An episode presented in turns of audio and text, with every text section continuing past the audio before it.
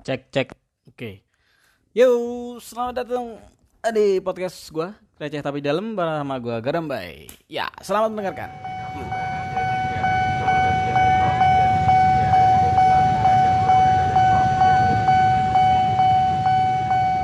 Oke, eh, halo teman-teman.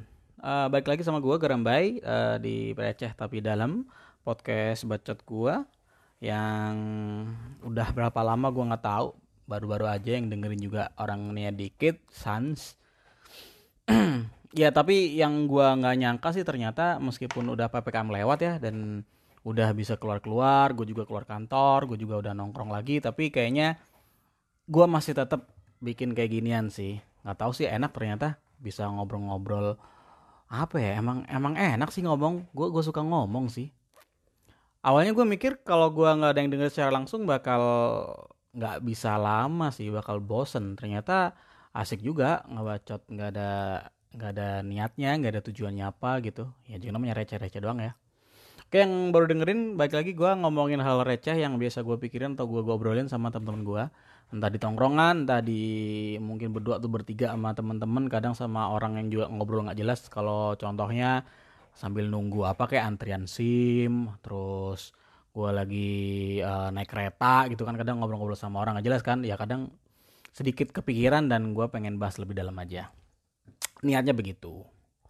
Um, ini gue kemarin lagi habis, habis perjalanan ya masalah tugas kerja uh, ke Pulau Sumatera dan gue ketemu temen gue uh, entah kenapa gue gue tiba-tiba ngebahas hal kayak gini gitu kan kita sama-sama cowok dan kita uh, sama-sama ngekos sama-sama jauh dari rumah gitu.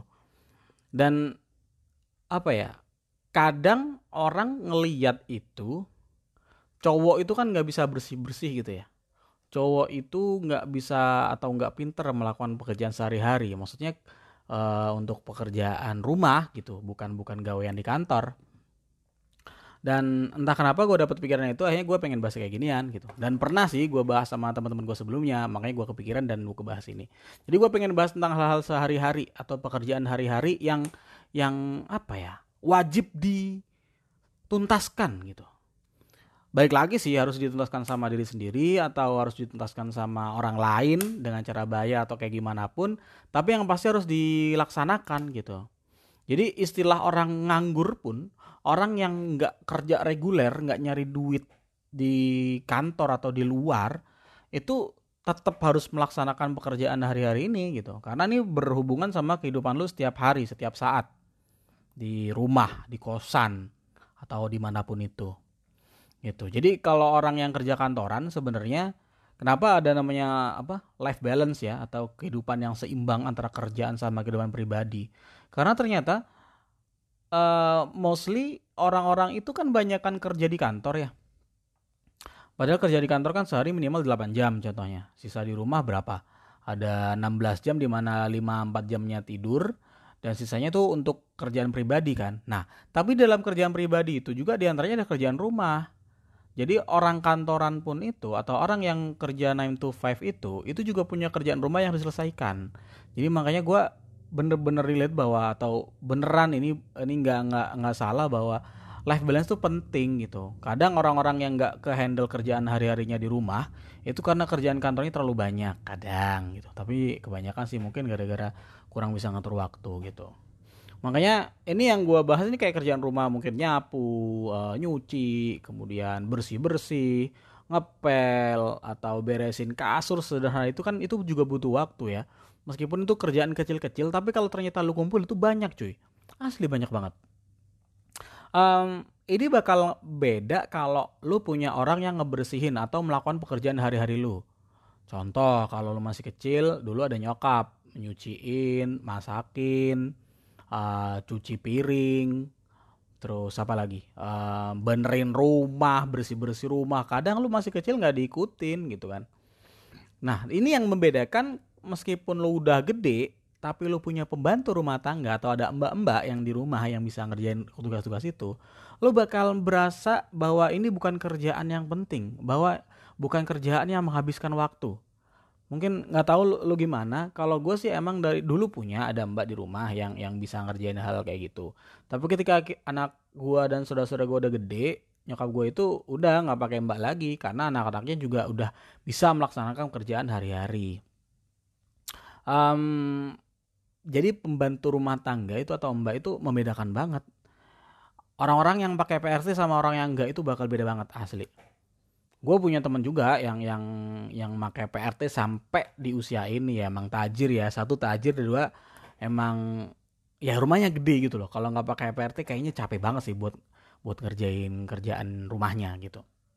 Ya lo pikir kalau artis-artis pejabat itu mereka nggak pakai PRT pakai lah mana sempat mereka masak mana sempat mereka nyuci gitu ya ada sih yang sempat cuman kan kebanyakan kalau orang yang punya duit ya udah sih mending ngeluarin duit berapa rupiah gitu untuk bersih bersih rumah atau mengerjakan uh, kerjaan rumah sehari-hari kayak gitu. Ini bahas nih yang banyak nih yang bisa dibahas nih, mulai dari nyuci, setrika, nyapu, beresin kasur, bebersih kamar, bebersih rumah, sikat WC, kamar mandi, ngep ngepel, ngejemur, cuci piring, banyak banget asli. Kalau yang punya motor, cuci motor, cuci mobil, gitu kan. Jadi apa ya? Uh, tapi gue yang gue sadarin ya di usia gue ini juga ternyata banyak loh yang yang nggak melakukan kerjaan-kerjaan itu. Contoh deh, contoh yang paling standar dan ini pasti banyak macam-macam orang. Masalah nyuci baju gitu gue adalah orang yang kadang nyuci, kadang laundry gitu. Uh, dulu dulu di rumah emang yang nyuci bukan gue, udah ada yang nyuci. Sampai gue kuliah, akhirnya gue ngekos, akhirnya gue nyuci sendiri cuy. Sampai pada saatnya gue ngekos, kadang gue nyuci, kadang gue laundry.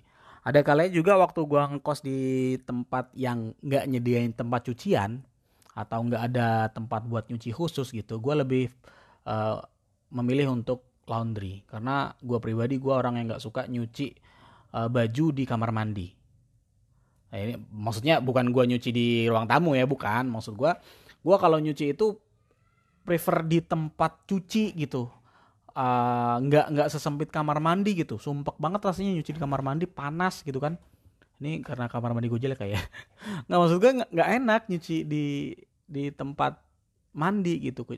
Ya karena uh, lebih enak di luar ada keran langsung terus luas gitu loh lega gitu enak nyuci gitu. Itu alasan gue itu itu itu gue gitu. Nah ada teman gue yang full mau dari dulu sampai sekarang juga itu selalu laundry. Satu mereka nggak nggak mau ribet karena buat mereka juga ya udah sih laundry kiloan berapa sih per kilo tujuh ribu delapan ribu itu itu nggak nggak mahal mendingan nyuci gitu daripada kita ngabisin waktu buat nyuci. Ada tapi ada juga yang uh, memilih uh, sebagian-sebagian. Jadi buat baju-baju yang harian yang biasa kayak gitu, baju tidur, baju-baju yang berat kayak celana jeans gitu tuh mereka laundry. Tapi untuk yang baju-baju kerja itu prefer untuk uh, nyuci sendiri karena lebih lebih aman ya karena baju-baju bagus takutnya kalau di laundry agak agak ngawur juga akhirnya rusak kayak gitu ada juga gitu sebenarnya nyuci itu kan kegiatannya banyak ya yang pertama mulai dari nyucinya, yang kedua ngejemurnya, ketiga nyetrikanya gitu kan. Nah, dari dari hal nyuci aja nih ya, ini ini bisa banyak yang bisa dibahas gitu kan. Uh, kalau gue pribadi, gue tuh lebih suka nyuci dan jemur, gue nggak masalah. Jadi kalau gue mau nyuci jemur sebanyak apa nggak masalah. Tapi kalau masalah setrika, uh, udah bilang, gue nggak suka cuy nyetrika cuy. Nyetrika tuh panas, kayak terus posisinya juga nggak enak lo mau berdiri pakai alas trika yang uh, stand gitu atau mau yang duduk di bawah gitu sama-sama punggung capek gitu. Nggak enak banget gitu menurut gue ya. Dan dan panasnya itu gue dulu sih kalau ngelihat nyokap gue atau kakak gue atau mbak yang lagi nyetrika gitu ya lah nyetrika gampang, gampang banget gitu ya. Yang panas kan setrikaannya masa kita kena panas juga? Enggak dong gitu kan. Ternyata kena cuy. Ya setrika berapa ya suhunya ya? Kita tuh kena panasnya jadi gue udah panas terus yang paling susah itu emang gue susahnya nyetrika sih itu nggak rapi-rapi gitu. Gue nggak tahu kenapa cuman nggak rapi.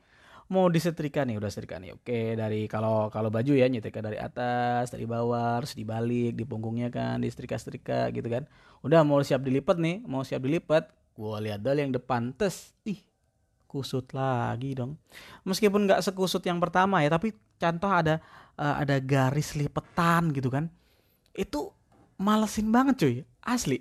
Jadi kayak usaha lo buat nyetrika itu nggak kebayar maksimal gitu. Karena yang lu setrika nggak nggak nggak mulus-mulus banget. Kesel asli kesel. Uh, gue gue jadi mikir apakah kan gue orang yang nggak suka atau nggak nggak percaya sama bakat ya. Maksudnya gue nggak nggak nggak yakin bahwa bakat tuh ada. Karena kalau menurut gue semua dibangun dari lingkungan dan masing pokoknya kerja keras apa pun itulah sehingga jadilah apa yang uh, orang bilang tuh bakat sekarang gitu. Nah gue mikir juga kalau bakat tuh emang ada apakah setrika nyetrika itu adalah salah satu bakat? Itu masuk loh. Lu bilang apa? Enggak itu masalah perfeksionis. Enggak masalah perfeksionis orang yang teliti pun kalau emang susah nyetrika itu ada cuy ada temen gue orang yang yang rajin yang yang ra, kelihatannya ya rapi segala macem. Tapi kalau masalah nyetrika aduh jelek. Jadi kayaknya ini bakat-bakatan juga sih. Apa juga pekerjaan rumah itu adalah suatu bakat-bakat yang bisa dikembangkan? Gue juga nggak tahu.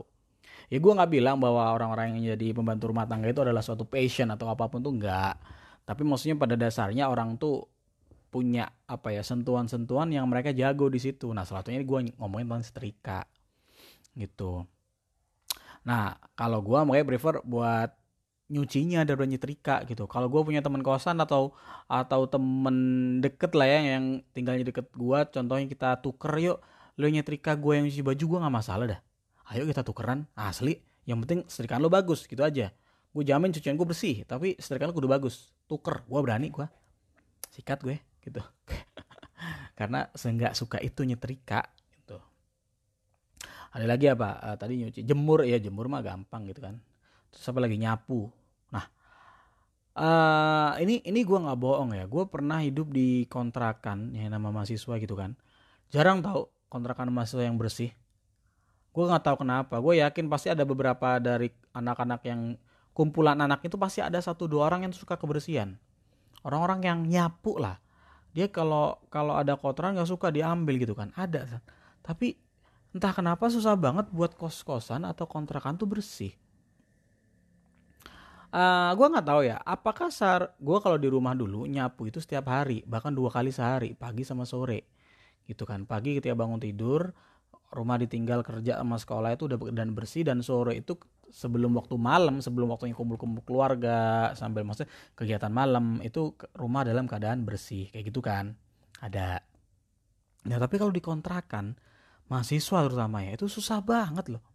Gue nggak tahu kayaknya mungkin mungkin awalnya rutin ya setiap hari nyapu kemudian dirubah lagi jadi dua hari sekali dirubah jadi tiga hari sekali jadi empat hari sekali. Lama-lama tuh debu numpuk gitu kan. Sekalinya nyapu mungkin nyapunya nggak bersih itu selalu ada sudut-sudut kamar atau sudut-sudut bawah meja atau bawah apa yang yang emang lama banget nggak ada setrika akhirnya lama-lama numpuk banget banyak debunya. Dan kadang nggak debu debu doang kotoran kecil-kecil yang lama-lama juga jadi jadi banyak itu juga banyak. Uh, maksudnya jadi jadi kumpulan kotoran kayak gitu. Ada pasti ada kayak gitu. Makanya mungkin kalian atau lo pada tuh kayak mikir ya udah sih ada kos-kosan yang ada yang nyapuin ada yang uh, ngebersihin. Mungkin menurut lo nggak penting ya.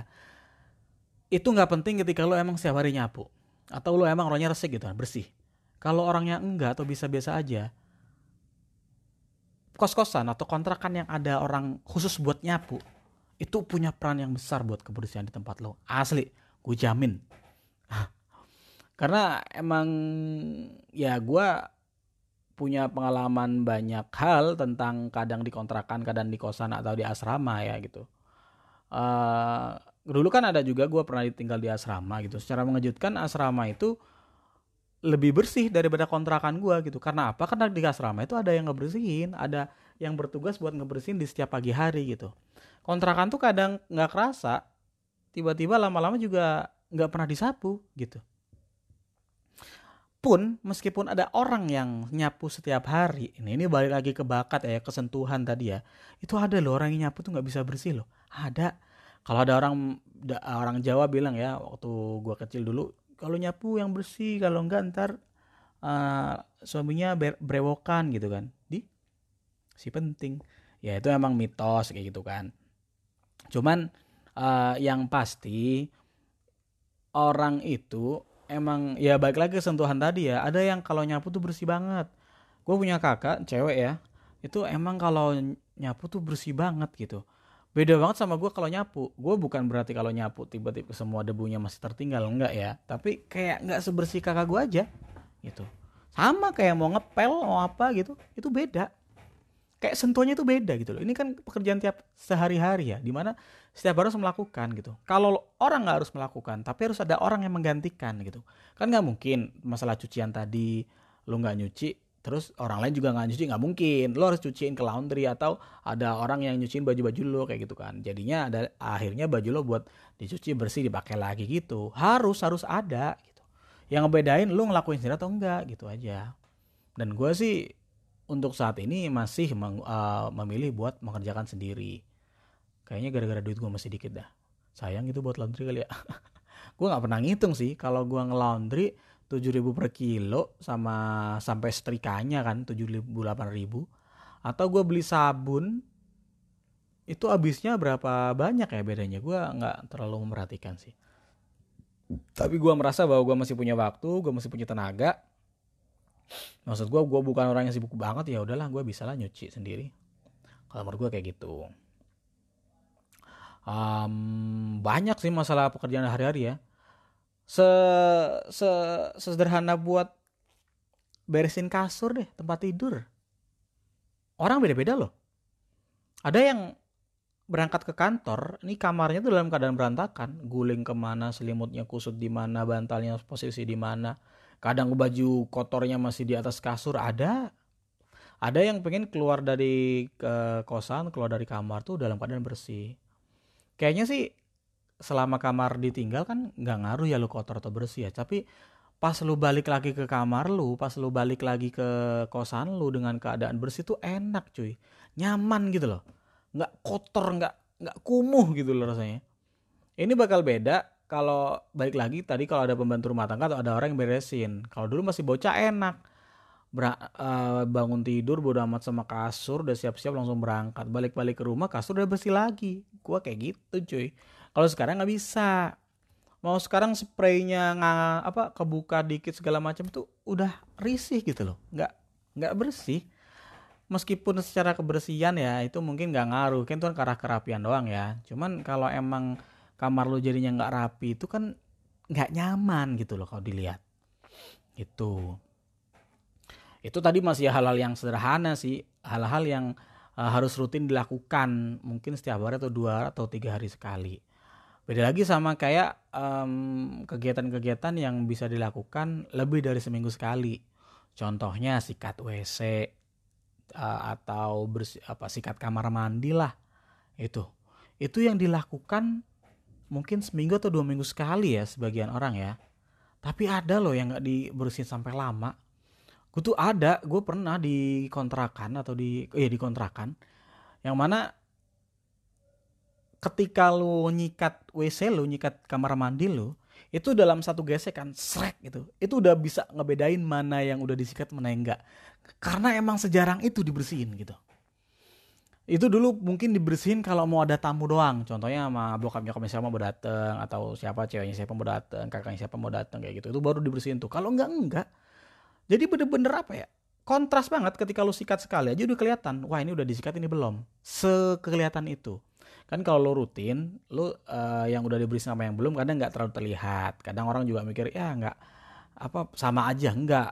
Beda cuy. Kalau lo nggak sikat pasti minggu depannya lagi lo lakukan yang ini jadinya kotor gitu.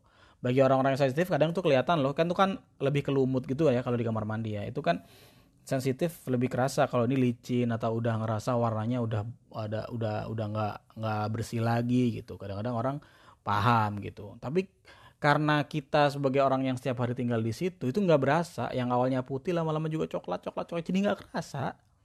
Gitu. Jadi penting banget buat melakukan pekerjaan hari-hari ini gitu. Yang paling gampang orang yang yang sering banget juga ini jadi masalah. Ini ini ini ini fakta ada masalah mau di rumah gua mau di kontrakan mau di kosan masalah cuci piring cuy. Gua gua nggak tahu. Cuci piring itu menurut gua ya menurut gua itu nggak seribet cuci baju cuy. Cuci baju kan ada tiga kegiatan tuh. Ada nyucinya ada yang ngucek-ngucek segala macam ada jemurnya. Terus ada setrika ya kan? Kalau nyuci piring itu kegiatannya tuh sekali. Cuci piring udah taruh udah. Nggak ada kegiatan lain gitu. Cuman entah kenapa kalau masalah cuci piring ini itu kebanyakan jadi masalah ketika orang hidup bersama-sama. Percaya sama gue. Gue sih belum pernah ya uh, hidup di salah satu kosan atau kontrakan yang tidak ada pernah masalah sama sekali. Lo pasti sering banget mau di kosan mau di kontrakan ada tulisan gede-gede di wastafel tempat cuci piring. Habis pakai cuci lagi.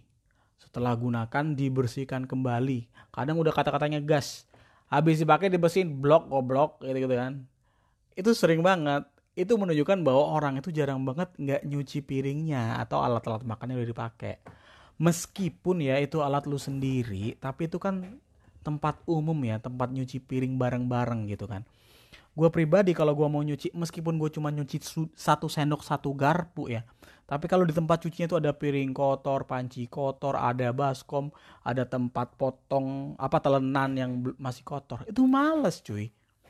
Jadi enak banget kalau kita nyuci itu tapi wastafelnya keadaan bersih gitu.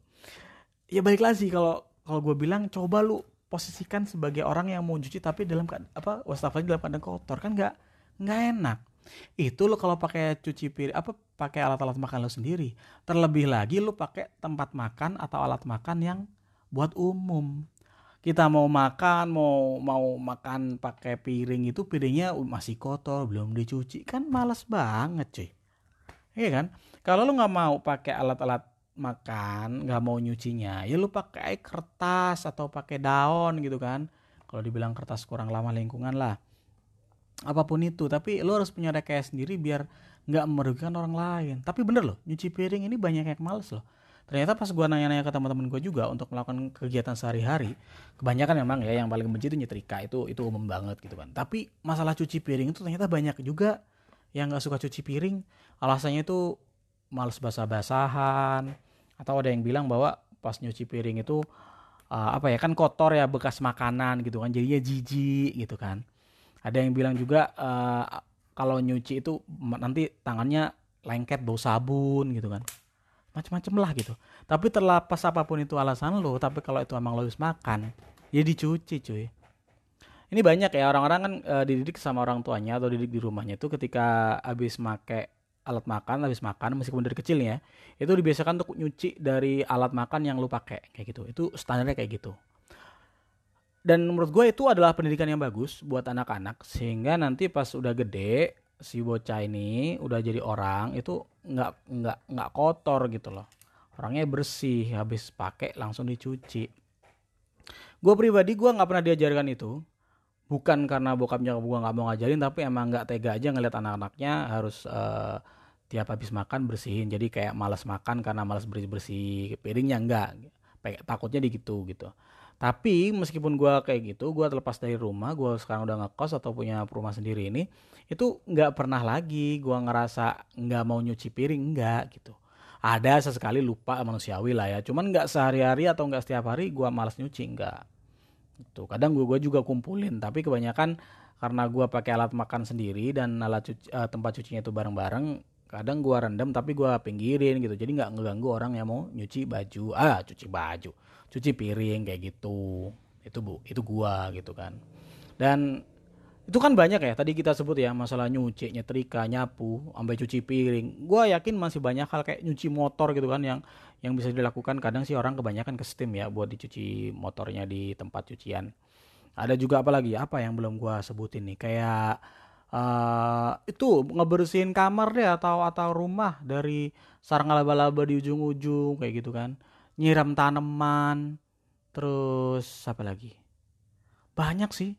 Banyak pekerjaan hari-hari ini kalau disebutin semuanya bisa jadi pekerjaan hari-hari. Se se apa ya? Segampang kayak naruh sepatu ke tempatnya aja sih. Itu kan juga pekerjaan sehari-hari yang meskipun kecil receh gitu, tapi dalam. Kalau lo nggak lakukan itu ya itu bakal ngeganggu meskipun kecil-kecil lama-lama juga jadi banyak gitu. Dan kalau menurut gua ya ini bukan masalah orang tahu atau nggak tahu. Karena kalau menurut gua masalah kebersihan itu utama rapi itu bagus dan uh, harus bagaimana harus nyucinya harus harus naruh sepatu di mana harus buang sampah di mana ini ini suatu kewajiban sih kalau menurut gua orang tahu. Cuman yang ngebedain tuh cara orang ngaturnya gitu cara orang melakukan waktu buat ngurusin hal-hal kegiatan sehari-hari ini itu macam-macam mungkin ada orang-orang yang segera gitu loh. Kalau lihatnya ada ada yang nggak beres atau belum dilakukan ya segera dilakukan. Itu kebanyakan orang kayak gitu. Tapi juga banyak bagian banyak orang lain ini adalah orang yang suka nunda-nunda gitu. Pro pro stik pro lah apa sih? Pokoknya menunda-nunda itulah. Jadi intinya dia itu kalau lihat oh iya ntar aja deh bareng sama ini oh iya ntar deh sama ini oh iya ntar sama ini nih tapi kebanyakan kalau orang yang suka nunda-nunda dan nggak bagus dalam atur waktunya ini, biasanya kelewatan dan dan akhirnya lupa atau karena numpuk jadinya makin males gitu loh. Padahal enakan lo ngerjain dikit-dikit gitu kan. Ya terserah lo lah kayak gimana gitu. Uh, kalau lo nunda, lo harus konsekuensi belakang lo kerja lebih keras gitu kan.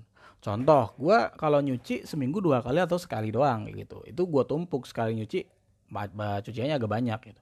Tapi ada teman gue yang nyucinya dua hari sekali bahkan dari setiap hari gitu. Jadi setiap nyuci itu cuma dikit-dikit doang. Ada kayak gitu. Ya bebas, yang mana pun boleh gitu. Cuman itu dilakukan gitu. Mau nggak mau harus nyuci, ya kan?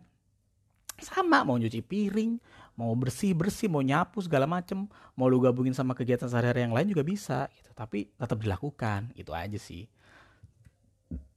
Sepele loh, sepele loh. Ini kayak cuma ngerjain kerjaan sehari-hari tapi kalau menurut gue dari sini tuh bisa ngebentuk kepribadian lo aja. Weh keren gue ya.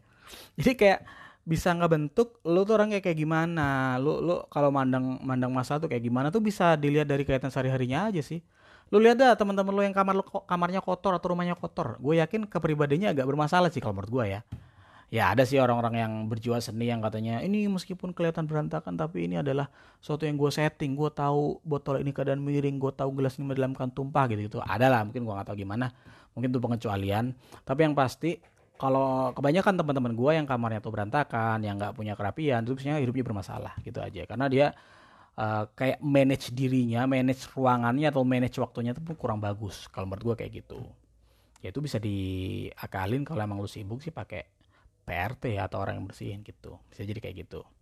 Tapi gue tahu juga ada yang orang passion tuh bersih bersih kenapa gue bilang gini? Karena gue tahu waktu gue dulu bahas me time ya waktu gue dulu bahas me time gue pernah nanya ke temen gue bahwa temen gue me time-nya adalah bersih bersih kamar. Serius gue me time dia tuh bersih bersih kamar nyuci terus nyetrika terus kemudian uh, apa membersihkan sudut-sudut kamar yang jarang terlihat. Itu ada satisfying adalah hal yang memuaskan buat orang-orang itu. Gue juga heran kenapa bisa begitu tapi itu ada bahwa bersih-bersih adalah passion. Jadi bebersih adalah jalan ninjanya gitu kan. Ya gue bukan berarti masa depan dia jadi pembantu rumah tangga bukan kayak gitu. Tapi yang gue tahu bahwa masa depannya rumahnya bakal bersih sih. Kurang lebih kayak gitu. Gue nggak tahu bakal ketemu dia dia bakal ketemu pasangan yang kayak gimana ya. Tapi gue yakin ya lebih yakin bahwa bakal dia ntar kehidupannya bakal lebih bersih gitu kan. Karena dia emang dari awal udah rapi gitu passionnya itu. Me time-nya bersih-bersih gue juga nggak habis pikir. Contoh ya gue mengatur waktunya ya. Gue nggak mau waktu libur gue diganggu sama nyuci. Nyuci baju maksud gue ya. Kalau menurut gue kalau gue harus sabtu ming pagi atau minggu pagi atau sore di kala itu libur dari kegiatan libur kantor gitu kan tapi gue harus nyuci baju itu males banget. Males banget. Karena menurut gue itu bisa dilakukan di waktu weekday gitu meskipun itu agak agak menggunakan waktu-waktu yang agak biasa gitu. Makanya gue sampai sekarang lebih sering nyuci malam hari mau jam 10 mau jam 9 malam. Ya mungkin ini juga karena gue ngeliat nyokap gue kadang-kadang nyuci di malam hari akhirnya kebawa ke gue tapi menurut gue ini adalah hal yang tepat sih. Jadi gue nyucinya itu malam besoknya waktu sabtu minggunya itu gue bebas mau ngapain aja. Gue nggak terikat sama kegiatan sehari-hari atau kegiatan kantor. Bebas gitu. Itu masalah kenyamanan aja sih lu nyamannya kayak gimana. Tapi yang pasti kalau menurut gua kalau tuh bersih rapi itu lebih nyaman. Jadi kayak pekerjaan hari-hari yang receh tadi tadi itu kalau banyak dan serius itu bisa hal, jadi hal yang dalam yang bisa uh, menentukan kita kayak gimana yang bisa menentukan suasana hati lah uh, kenyamanan kerja kenyamanan hidup itulah kalau menurut gue kayak gitu. Kalau gue gitu gue yakin kalau bersih sama rapi itu nyaman gue nggak maksain orang harus bersih dan rapi tapi gue nggak tahu kalau kalau lu gimana. Lu yang mana? Lu suka bersih nggak? Lu suka rapi nggak? Gitu. Tapi balik lagi semua itu balik ke orang masing-masing. Kalau lu suka bersih ya bersihin kamar lu bersihin kehidupan lu. Kalau suka rapi ya dirapikan. Kalau emang enggak emang lu sukanya berantakan ya berantakin secara sengaja secara bebas lah. Kalau menurut gue ya tetap tetap lakukan apa yang lu anggap bener gitu. Tetap lakukan apa yang lu anggap itu tidak merugikan orang lain. Karena lu punya pendapat apa pun tapi kalau tuh merugikan sama orang lain juga itu jelek sih kalau menurut gue ya. Yaudah gitu aja. Penting banget ya gue ngebahas pekerjaan hari-hari ya. Tapi baik lagi kalau bisa coba lu pikirin lagi apa yang belum pas ketika lu ngerjain kegiatan hari-hari lu. Mungkin waktu nyapu lu waktu nyuci lu mungkin metode nyuci lu mungkin bebas lah apa pun yang lu lakukan itu hmm, tetap lakukan yang kalau menurut lu bener gitu aja. Yaudah gitu aja. Kita ngomongin kerjaan hari-hari. Udah setengah jam gua ngobrol. Uh, jangan lupa dengerin gua di setiap hari Kamis sore jam 6 sore. Dan sampai ketemu lagi di episode yang lain. Uh, see you. Ciao.